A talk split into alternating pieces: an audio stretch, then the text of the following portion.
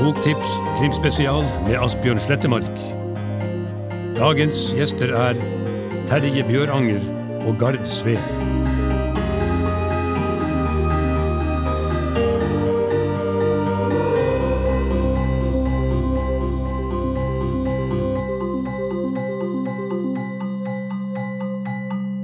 Og velkommen tilbake til Krimfestivalen, håper jeg eh, at jeg kan si. Håper du har vært inne og kikka på noen andre av de nydelige arrangementene som har gått av stabelen her digitalt de siste dagene. Um, Krimfestivalen går jo altså nå da digitalt, stort sett, sånn som dette, direkte eh, på, på internetten. Men du kan òg se alle de forskjellige programpostene utover. Eksempel når påsken nærmer seg, og du lurer på hm, hva skal jeg se på hva skal jeg lese nå i uh, påsken? Hva krim skal jeg ta med meg inn i, uh, inn i ferien? Vi er jo godt opplært til at vi skal lese krim i påskeferien. To av de forfatterne som er med her i dag, uh, er jo da veldig aktuelle for å bli lest i um, påskeferien. for de skriver rablende spennende krim. Thrillerlitteratur fra si, en politisk virkelighet. Overskriften i dag er rett og slett politisk thriller.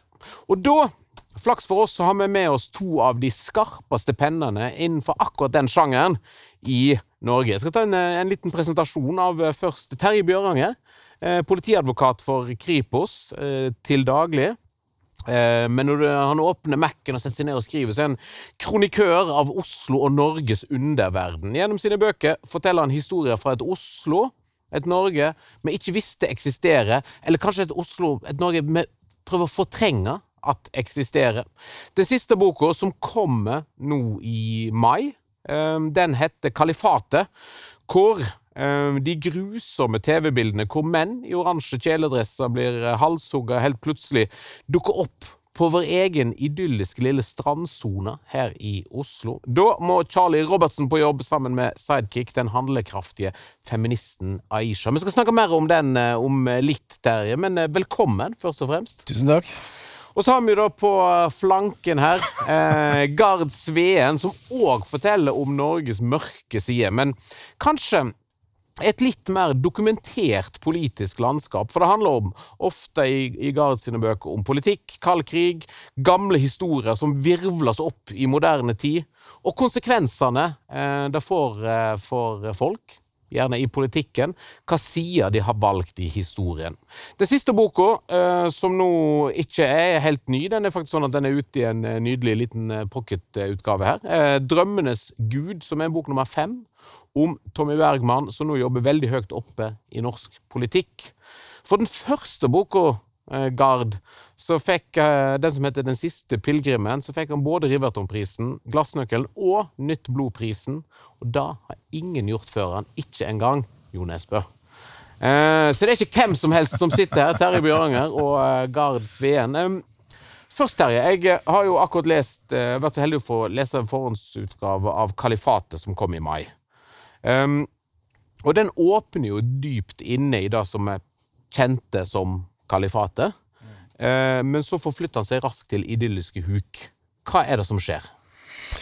Det som skjer, er at vi hva skal vi si, vi har fått IS til byen, kan det se ut som. Vi mm. har jo en type drap som er veldig IS-modus. Og det her er jo veldig nytt eh, for Norge. eller Den modusen vil være ny for hele Europa.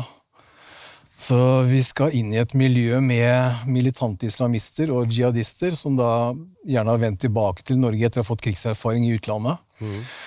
Og som da har noen ideer om hvordan verden bør være idet de kommer til Norge.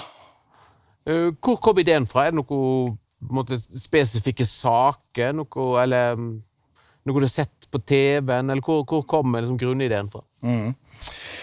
Jeg har alle bøkene mine, så har jeg valgt å skrive om litt altså kalle det aparte temaer. altså Det som er virkelige temaer, og som jeg mener er utrolig uh, viktige temaer for hele Europa. Mm. Og når det gjelder uh, islamister og jihadister, så er det på en måte et tema jeg har fulgt i veldig lang tid. Jeg har jobba med det som kalles æreskriminalitet i kanskje en 20 års tid. Så det er vel kanskje et lite spin-off-tema fra det. Men jeg tror jeg har en harddisk smekk full av materiell som gjelder den typen mm. saker, og ikke minst hvordan de da har valgt Europa som sin arena for, for det de tror på, det de forfekter. Mm. Så vi har hatt alt det materialet, og følger, følger jo stadig med på det. Så ja, kommer inn i det sånn at det her kan vi faktisk Det egner seg veldig godt i en thriller. Mm. Eh, Gard, eh, 'Drømmenes gud' begynner å bli eh, det en halvannet år Det kommer høsten 2019. Høsten 2019, ja. Så- Det siste året har jo vært veldig langt, så jeg husker jo nesten ikke. Ja, begynner, begynner, det begynner å bli litt sånn graut, alle disse månedene som har gått av gårde. Um, altså, men altså, I 'Drømmenes gud' så reiser vi jo rundt annet i Beirut, en av klodens virkelige intrigereir. Um, men så er vi òg rett rundt i gatene her i Oslo. Som vanlig, egentlig, i, eh, Som, i dine bøker. som, som vanlig. Den foregår da på to tidsnivåer. Den begynner jo da i det vi kan kalle nåtid, eh, for noen år siden. eh, hvor vi møter den tidligere ambassadøren i Beirut, som heter Leif Vilberg, eh, som da er gift med en ja, om lag 20 år yngre kvinne, Hanna Svarstad, som han møtte den skjebnesvangre sommeren 1982 i Beirut. Eh, og Leif skjønner jo at det er, det er et eller annet gærent i forholdet mellom dem. Hun eh, jobber nå med en ny uh, Oslo-avtale, fredsavtale. Reiser til København en sommerdag rett før ferien og forsvinner i løse lufta. Eh, dagen etterpå så blir jo da Vilberg blåst i lufta ved det gamle Rikstrygdeverket, for de som er så gamle at de husker hvor det var. litt nede på Drammensveien. Og så er vi i gang.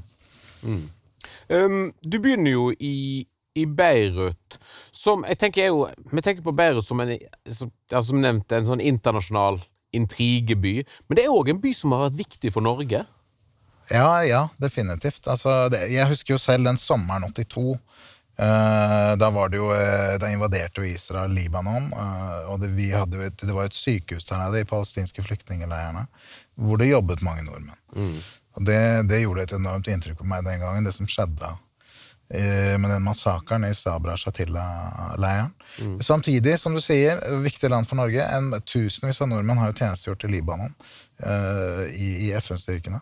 Noe som også gjør det vanskelig for meg å skrive en sånn bok, for det er så mange som vet hvordan Libanon er. Ja. Eh, og som vi har snakka om før, det er jo ingen hemmelighet, jeg har aldri vært i Beirut. Men en del av jobben til en forfatter er jo å ljuge, og da snakke med folk som faktisk har vært der.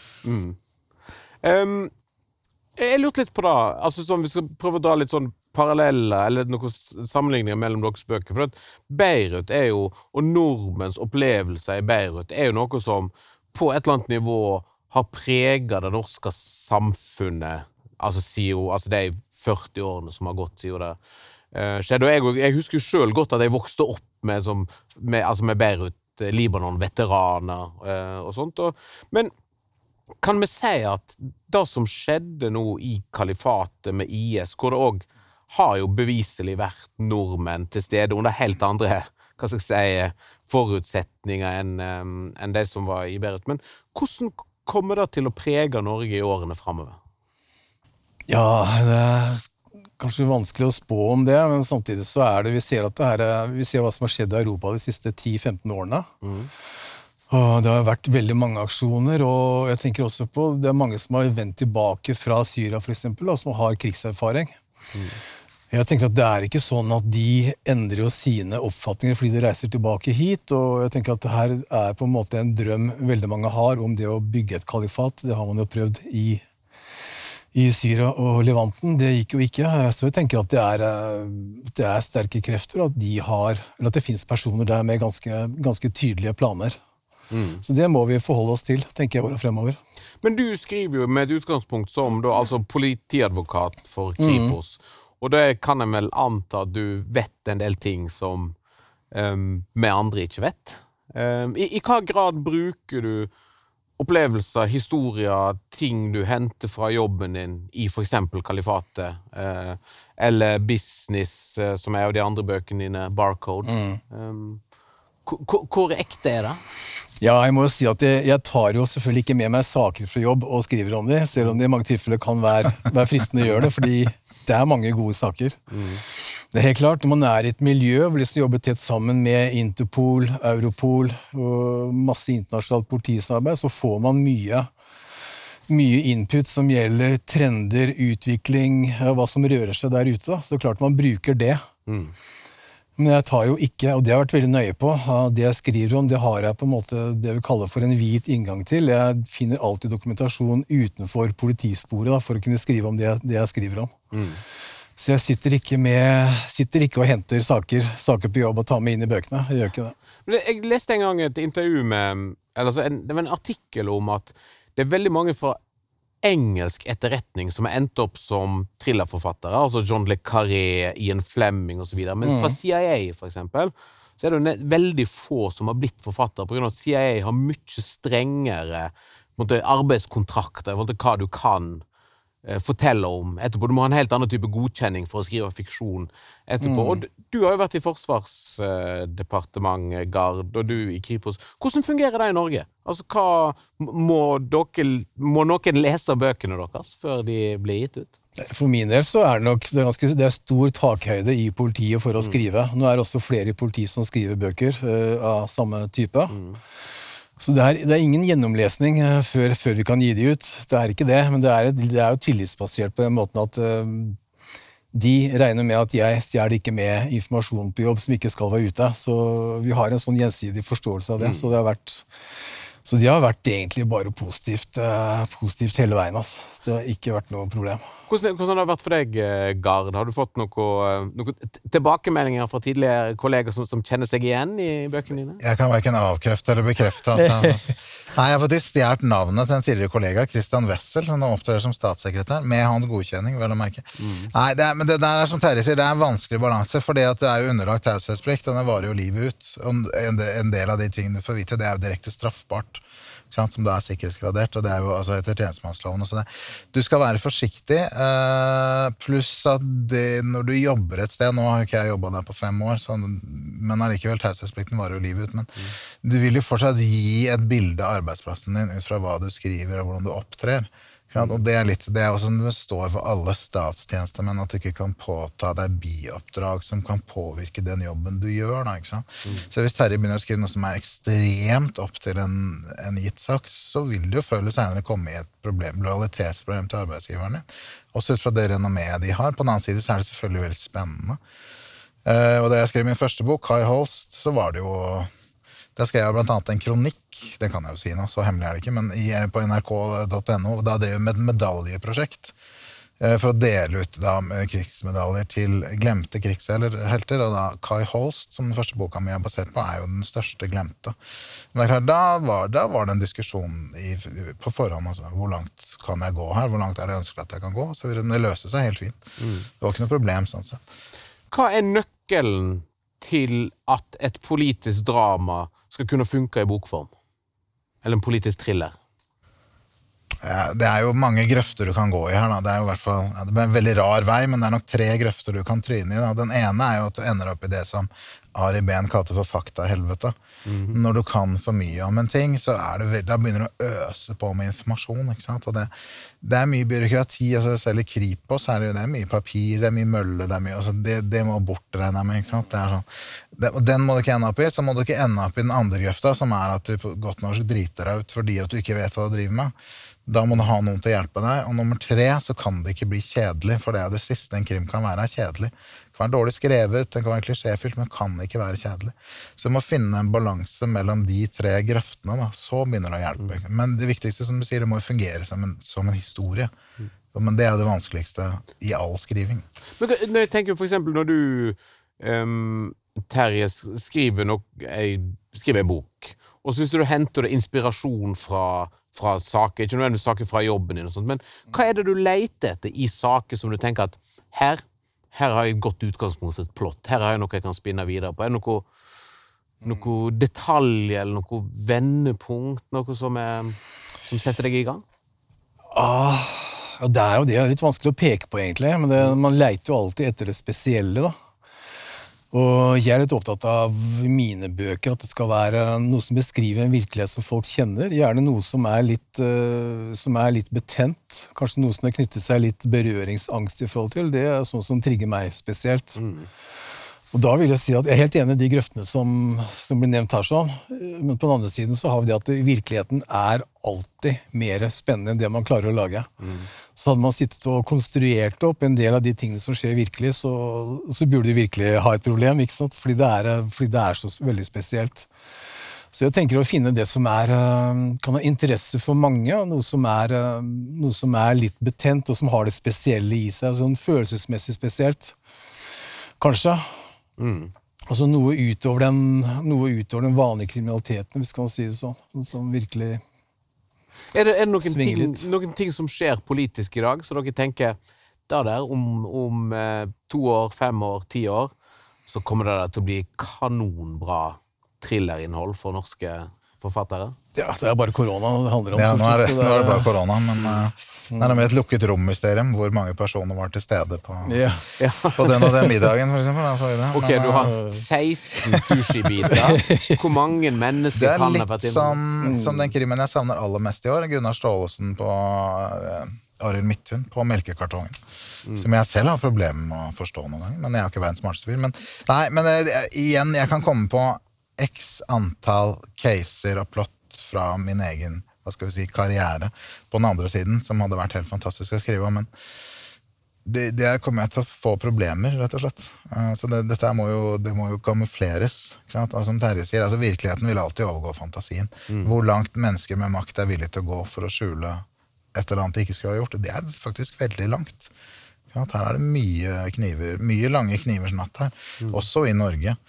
Eh, Men det er jo om å gjøre å kamuflere dette her så godt som overhodet mulig. Men det er klart, vi, vi står jo midt oppi konflikter nå som vi vel egentlig ikke forstår ennå. Vi holder jo fortsatt på å prøve å forstå andre verdenskrig. Den blir vi aldri ferdig med. Vi har vært med i Afghanistan-krigen, nå er det IS nå er det, altså, Dette vil nok ta noen år før vi klarer å forstå hva vi egentlig er med på og har vært med på. Så Ja, for du, du jobber jo tett på um, altså, i, altså i forbindelse med både research, men òg gjennom jobben din. eh, Så har du, om du ikke jobber tett på, oss, i hvert fall vært i nærheten av disse tingene som har med fremmedkriger og kalifatet og, og sånne ting å gjøre. Um, har det endret seg hvordan vi snakker om det, og hvordan vi forholder oss til, til det som skjedde de dramatiske årene i Syria og omegn? Ehm, Jeg syns det har vært, vært litt rart hele tiden, egentlig. Eh, Og samme, ja, også med de aksjonene som har vært i Europa, fordi vi går så jeg mener, vi går, vi går så lite inn i årsaken. for Også de personene her de har på en måte et manifest. Vi tenker at vi går for lite inn og forstår okay, hva er verdiene deres. eh, Hva er islam, hva er ikke-islam? Hva er islamisme? Som en part kan hevde at eh, de representerer ikke islam, mens andre sier at jo, de representerer islam og kan islam veldig godt. Så jeg syns at vi, vi unngår kanskje mye det. Vi teller antall døde, vi gjør en del tiltak, men vi går på en måte ikke inn i kjernen av, av hva det handler om. Så det skulle jeg ønske vi fikk en mer åpen debatt om verdigrunnlaget. Hva er det faktisk de står for? Hva er det de vil? Og hva er, hva er forskjellen mellom det vi kaller for han kaller for hverdagsislam da, og den type islam som de står for. Det tenker jeg er en debatt vi er helt nødt til å ta. Hvem inspirerer dere um, av altså Når vi snakker masse om virkeligheten, hvordan den siver inn i deres eh, romaner um, Hvem inspirerer dere av andre forfattere, kunstnere, filmregissører? Altså Har dere noen som, som skyver dere videre i skriveprosessen? Ja, Det er jo alltid noe å strekke seg etter. Det er visse bøker man ikke må lese, fordi man skjønner at dette, dette kommer ikke til å skje. Kommer ikke til, jeg kommer ikke til å skrive 'Frøken Smillas fornemmelse for snø', eksempel. altså, det er, eh, Men det er noe å strekke seg etter. At Du skal alltid ha noe å strekke deg etter. Du kan ikke bare lese bøker som du selv syns er dårligere enn din egen, for da lærer du ikke noe som helst. ikke sant? Eh, det blir litt som Rodney Dangerfield som sa at 'the only way to look uh, altså, Den eneste måten å se tynn ut, er hvis jeg henger ut med skikkelig svære folk. Det, det, det går ikke. Men Hva er de siste bøkene du har lest som du, som du tenker dette er jommen meg bedre enn Gard Sveen? Ja, jeg leser masse sakprosa i forbindelse med den eh, boka jeg leser nå. Det er massive biografier for eksempel, om Stalin og, eh, og Hitler og gud veit. Og, det- det er ekstremt imponerende. Når vi snakker om skjønnlitteratur, selvfølgelig John le Carré er jo en av mine aller største helter, og Graham Greene. Eh, og ting som jeg også tenker at dette er veldig vanskelig å nå opp til. Men samtidig, hadde det blitt utgitt på samme måten i dag? Jeg er ikke så sikker. Hvis du leser Møllvåpenet i dag, det går veldig sakte. Det er 30 sider uten at det skjer noe. Det var verdens mest solgte bok den gangen. Det hadde kanskje ikke vært noe. Så det er klart, ting forandrer seg hele tiden. Men det er en mann som klarte å holde seg relevant. Han var ja, han døde jo nå nettopp. Ja, så altså Livet ut så var han, 90 år, ja. klarte han å fornye seg. Det er ekstremt uh, imponerende. Nei, for det er interessant, du jeg, for jeg leste jo altså Vi snakker om Le Carré. Jeg leste Spion, altså Spy Who Came In From The Cold, Ja. eh, på nytt igjen nå. Altså, jeg hørte så hørte han på lydbok òg. Um, og den er sånn Den er jo Du merker at den, den føles som en anakronisme, for da at den er Den går i et sånt tempo, en sånn fortellerteknikk som tilhører fortiden. Men samtidig så merker du at hvis du først på en måte skrur hodet tilbake til den tiden, Ja. så fungerer den jo helt sånn uovertruffent bra. Da. Ja, ja, det, og det, det fungerer bra, men det, igjen, det handler litt om alder og hva man har vokst opp med. Og så videre. det er sånn, Prøv å vise Terminator 2 til ungene dine. Liksom. Si, se, se på dette her. Det skjer jo ikke noe. Ikke sant? De klippes jo ikke. Ja, noe må skje. Og sånn er det litt med de bøkene. De er, blir jo litt daterte. Men noen av dem kan du faktisk ikke merke at har blitt eldre. Men, men jeg lar meg inspirere av alt fra altså, slasher-krim til, til politiske thrillere. Eksempel Thomas Harris, som er en undervurdert forfatter. Ja, så du tenker på Thomas Harris som i Hannibal? Ja, altså det er altså Bøkene er veldig godt skrevet, og det er bøker som jeg angrer på at jeg begynte å lese. Det er sånn Du må gå rundt og sjekke at alle vinduene er igjen for å gå lenger. og så må du sjekke det en gang til. Liksom.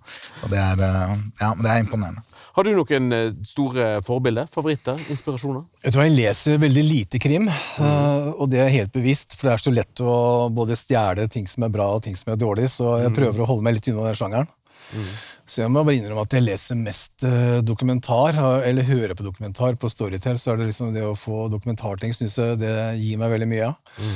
Men i bøkene mine er jeg veldig opptatt av dialog. Jeg bruker nok, eh, har nok mye mer dialog enn kanskje andre har, og da ser jeg like gjerne på serier. Hvis jeg ser på gode serier, syns jeg at jeg får utrolig mye mye ut fra det, og jeg synes at det er veldig spennende. Jeg prøver også å skrive så visuelt at man skal kunne danne seg bilder i huet. Så det er også det, Om man har full jobb ved siden av så, og skal skrive, så blir det ikke tid til å lese alt man kunne, kunne ønske seg å lese.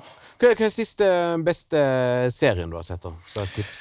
Ja, Jeg ser gjerne de samme flere ganger. Så Siste sett var Peaky Blinders. så Den har jeg sett eh, jeg har sett i hvert fall to ganger, tror jeg. Så det er helt fantastisk. Dette er The Americans, for- fantastisk. Ja, Peaky Blinders, og for de som ikke har sett det, er jo et stort epos fra mellomkrigstiden i Birmingham, med lokale gangsters som styrer byen, og England etter hvert. Ja, utrolig bra.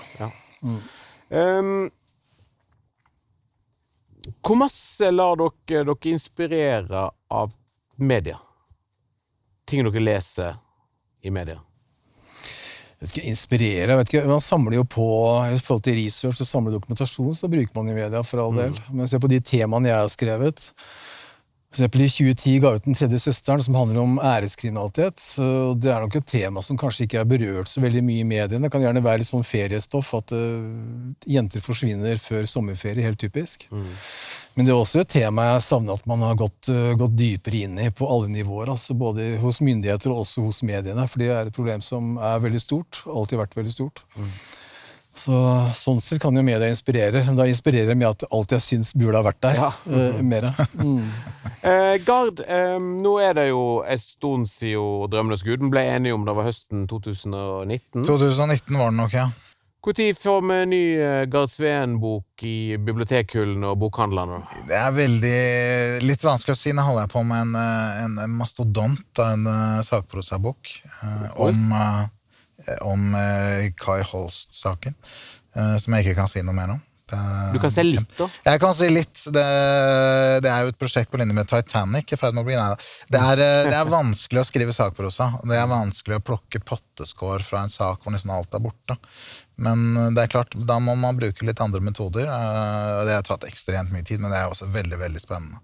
Det er sånn at det nesten vil være en sorg når den er ferdig, fordi at jeg har jobba med det så lenge.